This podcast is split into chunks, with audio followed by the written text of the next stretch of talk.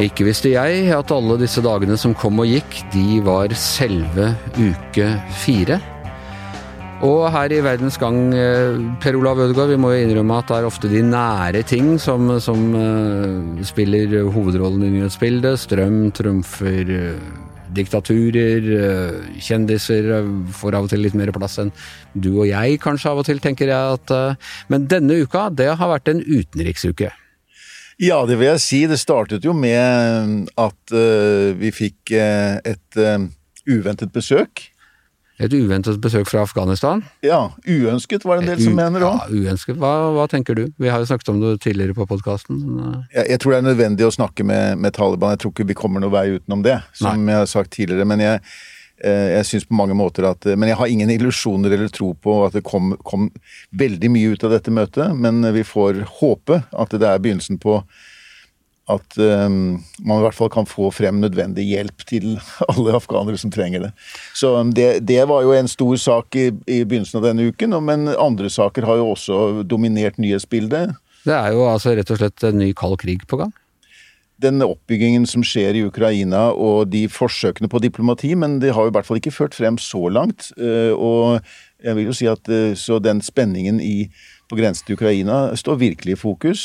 Og så har også statsministeren, Jonas Gahr Støre, har vært i USA, i Sikkerhetsrådet, også i Washington. Traff Biden i, i natt, nettopp, norsk tid. Nettopp. Og så er det Kina nå med OL, og i det hele tatt så seiler alle de problemstillingene opp igjen. Mange ting å ta tak i.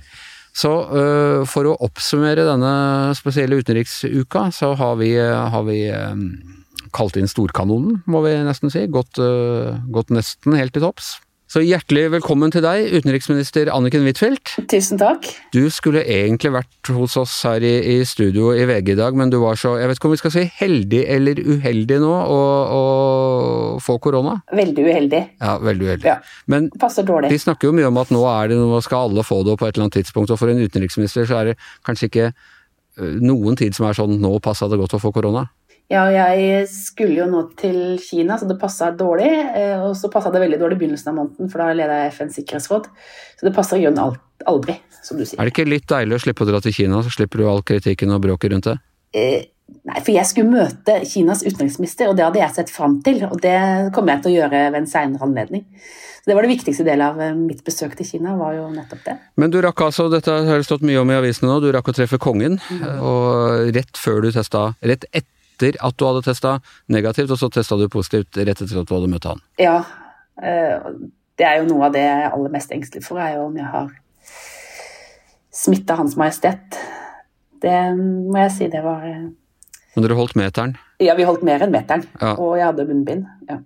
Uh, hvor syk er du, da? Eller hvor dårlig føler du deg?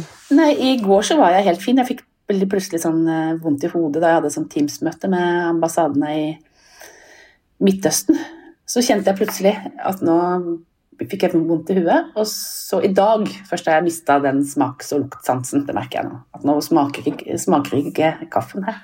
Du smaker ikke kaffen, nei? Uff. Nei. Uh, ok. Uh, du hadde Altså uh, Kan du ha smitta Taliban, forresten?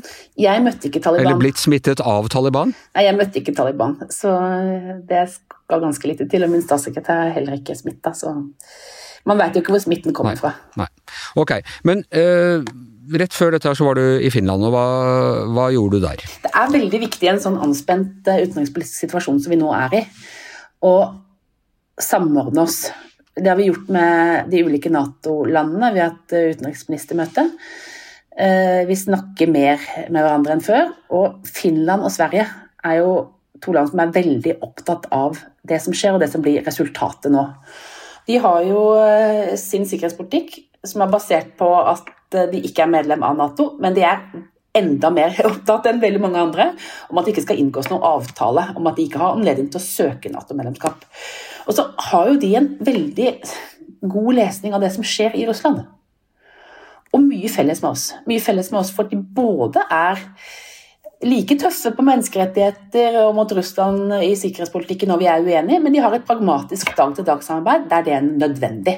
Og det kjennetegner jo finsk og tysk utenrikspolitikk, så det er viktig at vi er samordna. Så forstår de Russland bedre enn de fleste. Og det gjelder ikke minst den finske presidenten, den finske utenriksministeren. Den finske presidenten snakker jo veldig ofte med Putin. Eh, og forstår Russland bedre enn de fleste, vil jeg si. Så det er viktig å snakke med Finland. Det er kanskje et land som vi på Østlandet kanskje ikke tenker har så stor betydning for norsk utenrikspolitikk, men i Nord-Norge så har de veldig stor forståelse av at her har vi felles grense, her har vi utrolig mye felles. Tenker du at det er en fordel for Norge eh, om Sverige og Finland på et eller annet tidspunkt blir medlem av NATO og, tro, NATO, og tror du det vil skje en gang i fremtiden? Jeg syns det er vanskelig å spå hva som skjer med Sverige og Finland. Og jeg er veldig forsiktig med å uttale meg hva de bør gjøre. Og det er jo selve kjernen i de samtalene som foregår nå mellom Russland og Nato, at dette er noe hver enkelt land må ta stilling til på egen hånd. Slik at Jeg vil være veldig forsiktig å komme med noe råd til Sverige og Finland, men de er jo veldig tett integrert i våre øvelser. Eh, de deltar jo. De er jo ikke medlem av Nato, så de er alliansefri, men de er jo ikke nøytrale i den forstand. Det er i hvert fall svenskenes holdning. Så um, samarbeidet er veldig tett. Og nå har jo også Finland skal kjøpe sånne kampfly som vi nettopp har kjøpt. Det vil jo gjøre det lettere for oss å øve sammen. Du overtok jo i Utenriksdepartementet i en tid da spenningen økte eh, i forhold til Russland og deres styrkeoppbygging nær Ukraina. Eh, er du blitt mer eller mindre optimistisk på om denne krisen kan løses med diplomatiske midler i løpet av de ukene som, og månedene som er gått? Jeg um, er veldig urolig for om det skjer noe nå, uh, så jeg er veldig bekymret.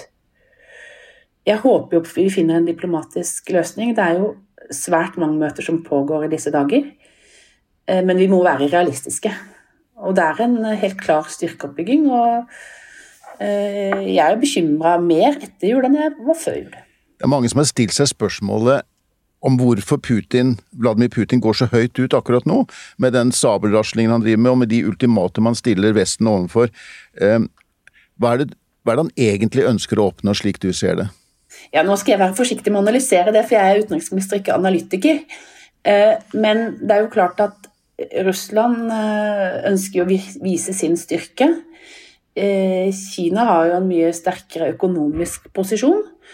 Eh, og de spiller eh, russerne en større geopolitisk betydning i Midtøsten og andre deler av verden for å markere seg.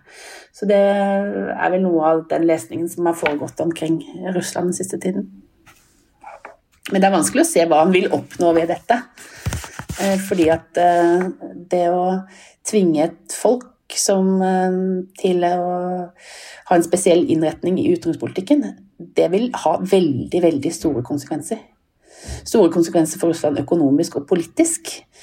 Og ikke være eh, et godt omdømme for Russland å bygge på. Hvordan opplever finnene dette? Altså, de har en litt annen historie med Russland enn det, uh, enn det vi har. og Hvordan leser de uh, situasjonen? Så Finnene er jo veldig tøffe med Russland der de er uenige, og så samarbeider de der det er nødvendig. Så den pragmatismen som vi finner i Norge, den er liksom enda dypere forankra i hele det finske folk, fordi at de har den plasseringen som de har. Og det som vi gjør i Norge, at vi har en felles fiskeriforvaltning med Russland. Så høres det liksom teknisk og kjedelig ut, men det betyr veldig mye for folk i Nord-Norge. For det betyr at vi forvalter en av verdens største torskestammer, og da snakker vi jo veldig mye sammen. Eh, og det er jo den type samarbeid som, som eh, Finland også har med Russland på sine områder. Så den finske lesningen er vel at eh, på samme måte som eh, jeg sier, at Russland ønsker å, å markere seg, eh, men at det er lite rasjonelt å få forståelse for.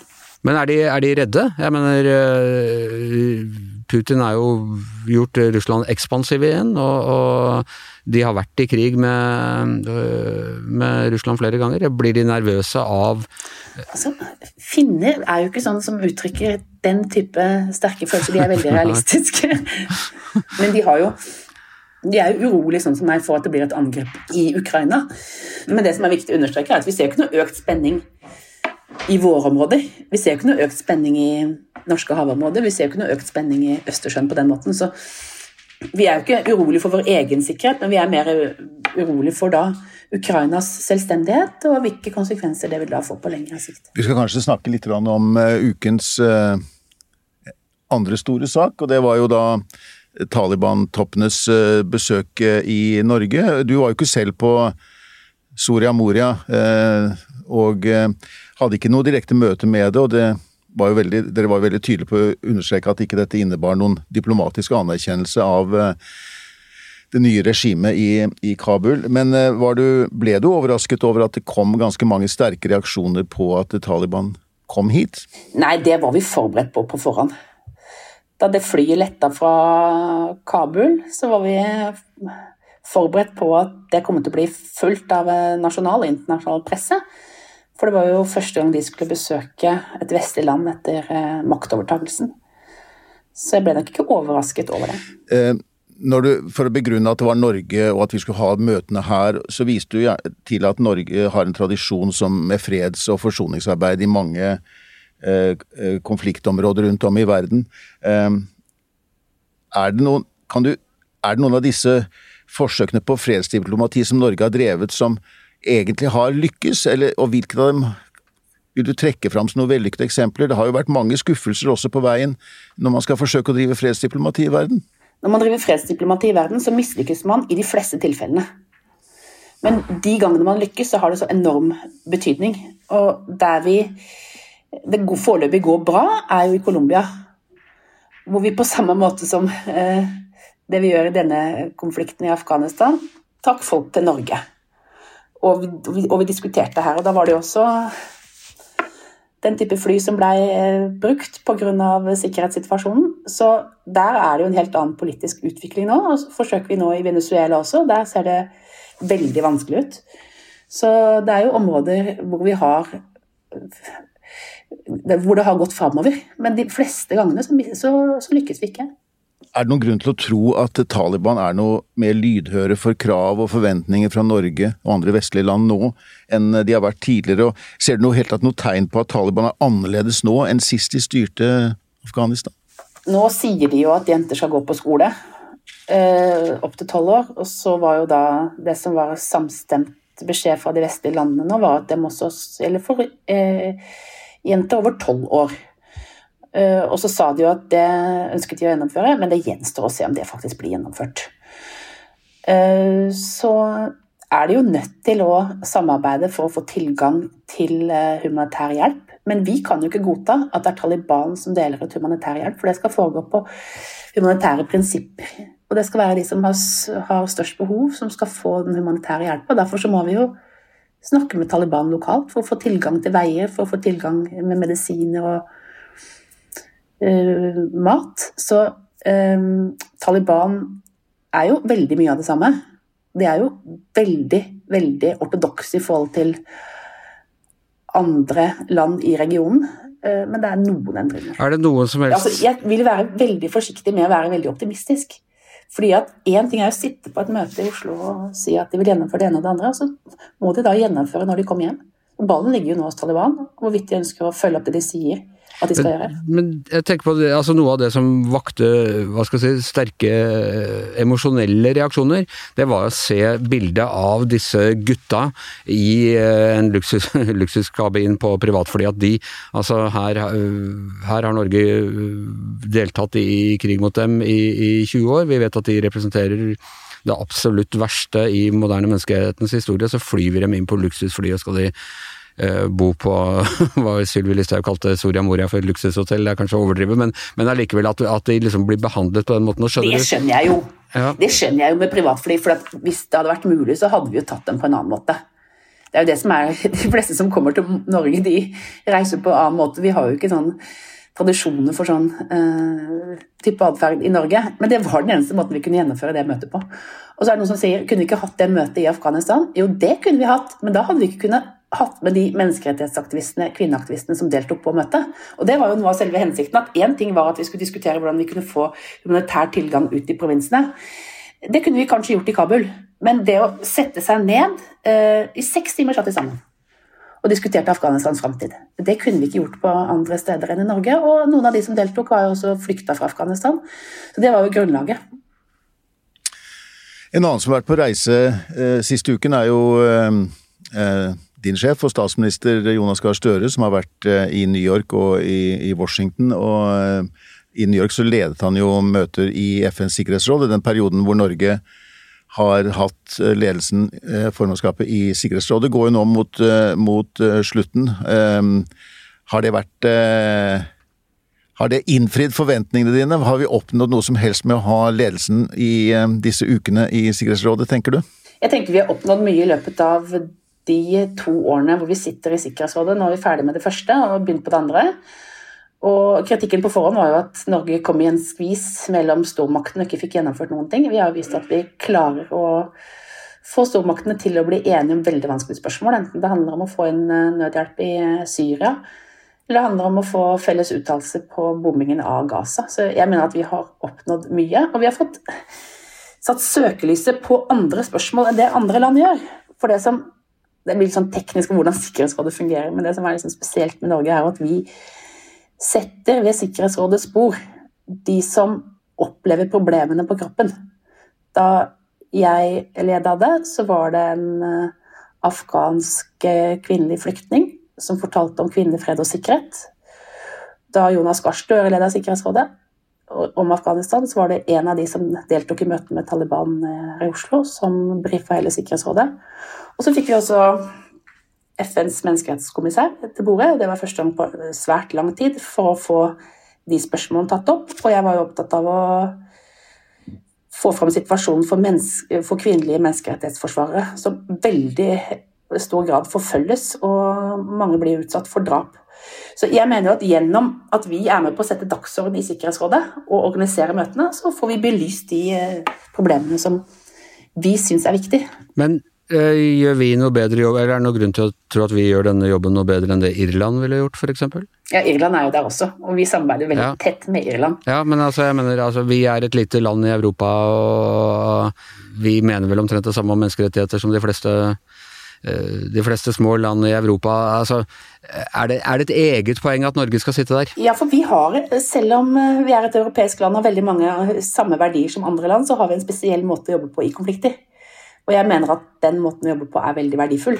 Og det som vår FN-ambassadør gjorde, Mona gjør, var å få hele Sikkerhetsrådet til å diskutere fred og forsoning utenfor Sikkerhetsrådets sal. Og det ville ikke, vil ikke, Irland ha funnet på av seg sjøl? Liksom. Men vi, vi, har veldig mye å, å, å, fortelle og snakke med verden om når det gjelder fred og forsoningsarbeid. Og da er det jo, som jeg sa, som regel så lykkes vi ikke. Men også de erfaringene er veldig viktige for å bringe folk sammen. Og det er, altså fred og forsoningsarbeid er jo veldig veldig komplisert. For det betyr jo at du skal få folk som har eh, vært i borgerkrigssituasjon med hverandre, til å finne fram politiske løsninger. Og det er jo hvis vi ser Colombia, så hadde vi jo brifere fra den konflikten også i Sikkerhetsrådet som fortalte hvordan de hadde kommet til, fram til fred. Og det er veldig tøffe prosesser som de menneskene må gjennom. De setter seg ved forhandlingsbordet, kanskje opplevde at sine familiemedlemmer er drept. Og den fred- og forsoningstradisjonen som eh, Norge har bidratt til i noen land, som har ført fram enkelte steder, men som ikke har ført fram andre steder. Jeg mener at vi gjør en forskjell gjennom å fortelle om det i Sikkerhetsrådet. Ja, Til uken så er det jo Russland som overtar formannskapet. Så får vi jo se om det blir fred og forsoning som kommer til å prege det formannskapet. Um, men um, uh, jeg tenkte på du, Nå har jo Støre da i går eh, truffet eh, president eh, Biden, Joe Biden, og du har jo selv møtt eh, mange representanter for eh, Biden-administrasjonen. Eh, Biden har gjort mye for å reparere forholdet til både EU og Nato etter, etter Trump-tiden. Men mange europeere er jo etter disse fire årene med Trump i tvil om de kan stole på om USA virkelig er Eh, tilbake som en leder for demokratier, og de frykter at Trump, eller en som ligner på Trump, eh, snart kan komme tilbake på scenen. Eh, det har jo ledet sånne spørsmål om kan Norge egentlig stole på vår viktigste allierte, og er det et problem at Norge er så avhengig av den amerikanske sikkerhetsgarantien? Det er mange i Europa som mener at det europeiske land selv bør ta større ansvar for sikkerheten, og ikke kan basere seg i like stor grad på USA som det vi har gjort i hele etterkrigstiden. Vi er jo avhengig av å bygge et sterkere forsvar sjøl. Og det var jo grunnlaget for at uh, president Obama snakka om 2 %-målet. At uh, europeiske land måtte ta større ansvar for sin egen sikkerhet. Så det har jo ligget der som en over lang tid da, at vi må gjøre det. Og så spørsmålet om vi klarer oss uten USA. I Norge nei. Så den militære asymmetrien, altså forholdet og styrkeforholdene i nord, er så enormt store på russisk side. Så hvis det verste skulle skje, så er vi helt avhengig av hjelp fra USA. Og da er vi avhengig av Nato-medlemskapet, men ikke bare det. Fordi at sikkerhet i nordområdene er jo også i USAs egeninteresse. Er slik at uh, der har jo også amerikanerne stor egeninteresse av å, å, hjelpe oss i en eventuell konfliktsituasjon. Slik at det er jo det som er uh, sikkerhetssituasjonen i våre nordområder. Så er jo jeg opptatt av at uh, de europeiske landene skal ta større ansvar, men å bygge opp parallelle strukturer i EU og Nato er jo ikke noe jeg forsvarer. Jeg mener jo at det er i Nato vi skal samordne vår, uh, vår, vårt forsvar sammen med andre Nato-land. Det ble jo ikke noe uh, Kina, det ble ikke noe tur til Beijing på deg nå da, i denne omgang, men uh, du skulle møtt den kinesiske utenriksminister. Uh, den forrige regjeringen ble jo kritisert for å være for unnvikende i forhold til Kina. og Et av disse områdene som vi har sett i senere tid hvordan Kina opptrer i sin utenrikspolitikk, er jo eksempelet Litauen, et lite land i Europa, mindre enn oss når det gjelder befolkning, og de er kastet ut i kulen fordi de tillot Taiwan å opprette et representasjonskontor i landet, med, og tillot dem å bruke Taiwan som navn på dette. Um, det førte jo da til at uh, Litauen fikk problemer med å selge sine varer til Kina. Det ble mer eller mindre stans i handelen mellom de to land. De trakk tilbake ambassadørene sine, og det har en gang gått så langt at uh, Kina blir jo da anklaget for å legge press på alle som har noe økonomisk samarbeid med Litauen, altså andre bedrifter som har et samarbeid med eh, produsenter i Litauen.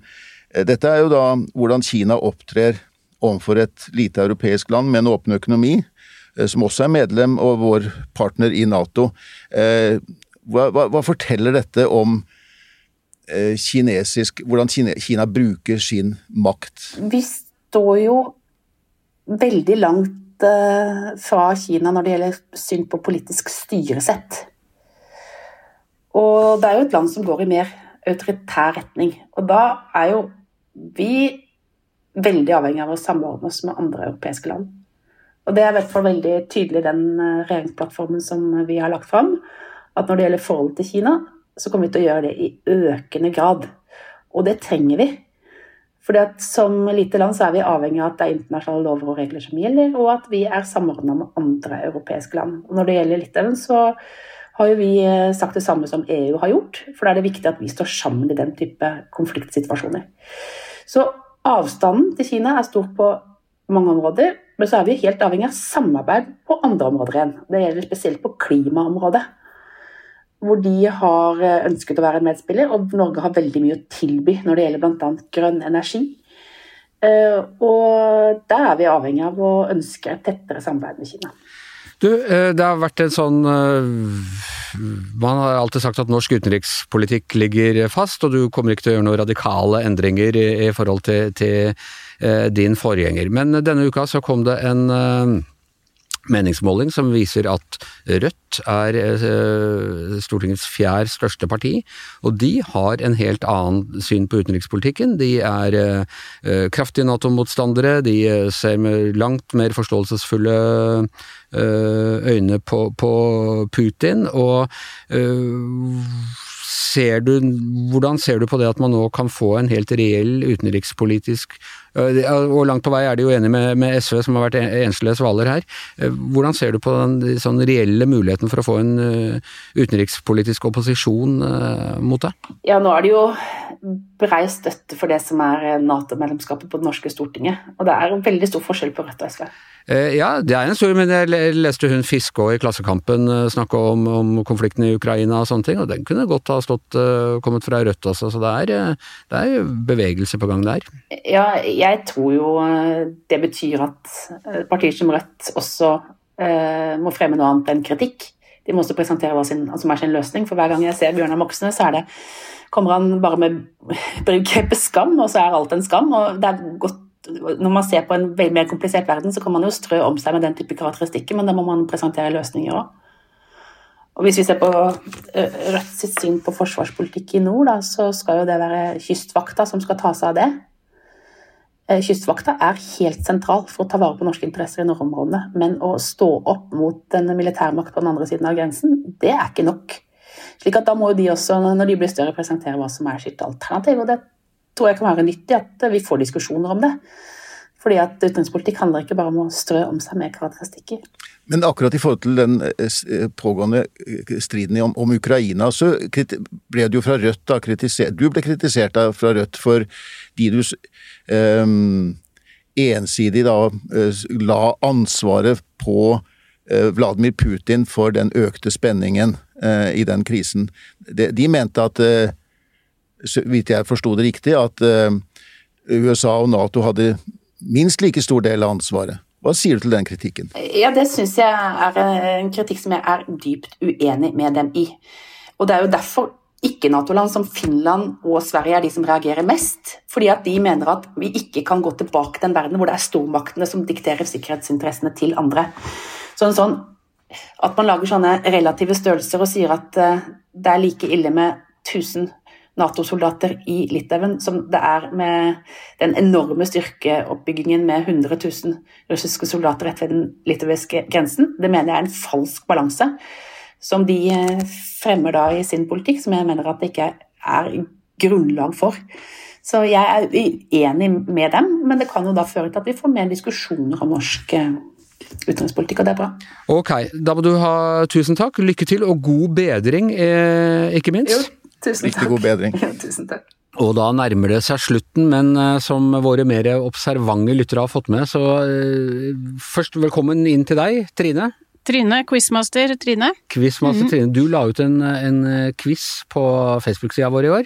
Ja, det er jo det aller Er det ikke gøy på, dag, nei, gøy på jobben-dagen i dag? Det er gøy på jobben-dagen i dag, det er helt riktig. Det, det aller gøyeste riktig. jeg gjør på jobb, er i hvert fall å lage quizer til Gjever og gjengen-podkasten. Ja, og vi gjorde en god del eh, Nå er det kanskje et år siden vi gjorde ja, det? Var nok før, eh, det var nok før korona, ja. Det var ja. på den tida hvor vi fortsatt hadde glede og overskudd til å gjøre sånne overskuddsprosjekter. Ikke eh, sant. Men nå er vi tilbake der, det må være et veldig godt tegn. Ja, og vi og vi har jo også fått, eh, vi har fått nye fine premier. Det var det som kanskje motiverte oss til dette? Mm, nye, noen nye kopper. Nye kopper. Mm. Og, men du har også et reservelager av de gamle? Ja, jeg har det, så jeg må tenke, jeg skal bruke helga nå til å tenke, godt, tenke, meg godt om, om hva vi skal gjøre med de gamle koppene. De kan jo bli mye verdt? Eh, de kan bli eh, sånne samleobjekter som går på eBay for noen tusenlapper etter hvert, ja. For det er jo nyhetspodkastenes hellige gral, dette her. Men eh, ja, det er det. Og i hvert fall jeg tenker at de koppene har i hvert fall ikke noe å gjøre stua bort på et lager. De må jo ut og brukes. Ja. Vi kan kanskje, ja vi kan høre, vi kan sjekke litt med, med lytterne hvilke eh, kopper de, de foretrekker, og, og, og, sånn. Mm. I hvert fall nå har vi fått en et solid uh, arsenal av disse her nye, fine roartegning ja, de er veldig fine. på disse her òg, og jeg ser ut som en konfirmant. De er venstrehendte, eller rettere sagt, hvis du vil vite, vise omverdenen at du drikker av Evergjengen-koppen, så må du ha den i venstre hånd. Hvis du bare vil nyte Roars tegning av meg, så bruker du den i høyre hånd, for da er den vendt inn mot deg. Men ja. uansett, ut av skallen min drikker du i hvert fall. Jeg, må, jeg, gleder meg til å prøve de nye koppene. Ja, de er kjempegode, jeg har, jeg har brukt den en uke. Eh, du skrev jo da på Facebook at, um, at vi trekker på mandag, og vi skal gjøre det, men uh, men eh, kanskje vi skulle ta en uh, og trekke én nå, som en liten teaser? Ja, vi, vi kan trekke én kopp i dag, og vi uh, leker jo ikke quiz her. Uh, Anders, du har gjort en kjempejobb da med å rett og slett skrive ned navnene på alle, som, alle 183 som har deltatt i quizen, og print, nei, ikke printa det ut, altså skrevet det, klippa lapper som om dette var en tombola på 90-tallet. Du aner ikke hvor lang tid det tok. Jeg følte meg som jeg jobba i sånn Misjonen på Ås på, ja, på 70-tallet, liksom. Det skulle være tombola. Men dette, vi kan i hvert fall garantere for at dette blir en veldig rettferdig trekning. Mm. Eh, for her skal alle med. Eh, og det var, ja, jeg tror det var veldig mange som svarte i går, og det var veldig morsomt å følge med på, syns jeg. Eh, vi ga noen ekstrapoeng der for å plukke opp de populærkulturelle referansene vi hadde lagt inn i svaralternativene. Uh, og det var jo da på det ene spørsmålet som vi har fått veldig mye kjeft for, for det var altfor vanskelig. Det var uh, det her uh, Jeg må skylde på Yngve, han er ja. Det var- Yngve stiller høye krav, det Ja. er helt sikkert. Eh, Men om det så var et veldig vanskelig spørsmål som få klarte, så var det en veldig morsom referanse der. Og det Mm. var det noen som på, klarte å påpeke også, for det var altså noen fiktive karakterer der fra Fiktive navn fra House of Cards, og da snakker vi selvfølgelig ikke om eh, den blodkommersielle Netflix-suksessen House of Cards, men den gamle, originale britiske versjonen, Ja, da. som vel var BB, BBC eller noe sånt. Ja. ja. Ja, ikke sant. Uh, you might very well think so, I couldn't possibly comment on that. Så eh, det var morsomt. Og så var det et par Det var mange, også et par stykker som innrømte at de hadde juksa. Det syns jeg også var veldig gøy. Eh, Særlig fordi at Poeng for det. Fordi at det er jo, dette er, er jo ikke Den som vinner, er jo ikke nødvendigvis den som har fått alt riktig heller. Her kan jo en som ikke har fått noen riktig, også vinne. Og så er det jo åpent noen dager til òg, så det er Det er muligheter gjennom helga også. Alle skal med i Ja. den quizen vår. Ja, og eh, den ligger da på Facebook-sida til Gjæver og gjengen, den her da. Og så må jeg bare lese opp en som jeg syns var veldig morsom også, fordi at eh, folk var jo like engasjert i den quizen her som vi var da vi lagde den. Jeg bare siterer. Den samiske trommen og underhussitatet ble for vilt. Når jeg nå for første og siste gang gidder å delta i en sosiale mediekonkurranse, er det ene og alene fordi denne koppen verdsetter jeg meget høyt. Ja, det er hyggelig å høre. Ja, det er veldig gøy. Men vi veit ikke om det blir han som vinner heller. Det kan vi ikke garantere, for det er jo flere hundre som har, eh, har deltatt her. Men altså, det er to sjanser. Det er én i dag. Der, har, der er eh, der er tiden ute for når du hører dette, men så kan du også i løpet av helgen. Og vi må finne ut en måte å se hvem det er som har kommet til nye i løpet av helgen, Å, da, faen. når vi skal sitte og skrive. Ja, ja, ok, da har mandagen. jeg to viktige ting å tenke på i helga. Ja. Ok, ok. Men eh, da gjør vi det sånn. Altså jeg har, for at dette skal være rettferdig, jeg har laget og skrevet alle lappene, men det er Trine som trekker dem. Og så må jeg nesten lese opp vinneren, for jeg er ikke sikker på hun Jeg var bra lei av å skrive på slutten, så er, håndskriften er ikke helt pen. Håndskriften, Ikke sikkert du skjønner det sjøl, dere. Skal vi se. Der. Skal vi se. Eh, det er Torbjørn Knutsen som er den heldige vinner av uh, nyhetspodkastenes hellige gral i Norge, nemlig Giæver og Gjengen-koppen. Skal vi se om vi kan finne et bilde av Torbjørn også og legge ut på, på Facebook-sida vår. Ja, eller så kan Torbjørn, når han får koppen, ta et bilde av seg sjøl med koppen og sende til oss, og så kan vi legge ut det. Det må han definitivt gjøre. Hvis han vil. Ja, hvis han vil. Hvis han vil. Eh, gratulerer, Torbjørn. Eh, ha en fin helg. Jeg holdt på å si kos deg med koppen, den har du ikke fått ennå. Eh, men, men ha en fin helg. Fin helg til alle dere andre òg. Det, eh, det er alltid en mulighet. Det er større sjanse for å vinne her enn å vinne i Lotto, f.eks., eh, Trine? Dessverre. Dessverre. ok. Og med det så er Giæver og gjengen over eh, for i dag. Tusen takk til utenriksminister Anniken Huitfeldt. Tusen takk til Per Olav Ødegaard. Tusen takk til Trine Saugstad Hatlen. Jeg heter Anders Giæver, og vår eh, produsent og eh, lottovinner er som vanlig Magne Antonsen.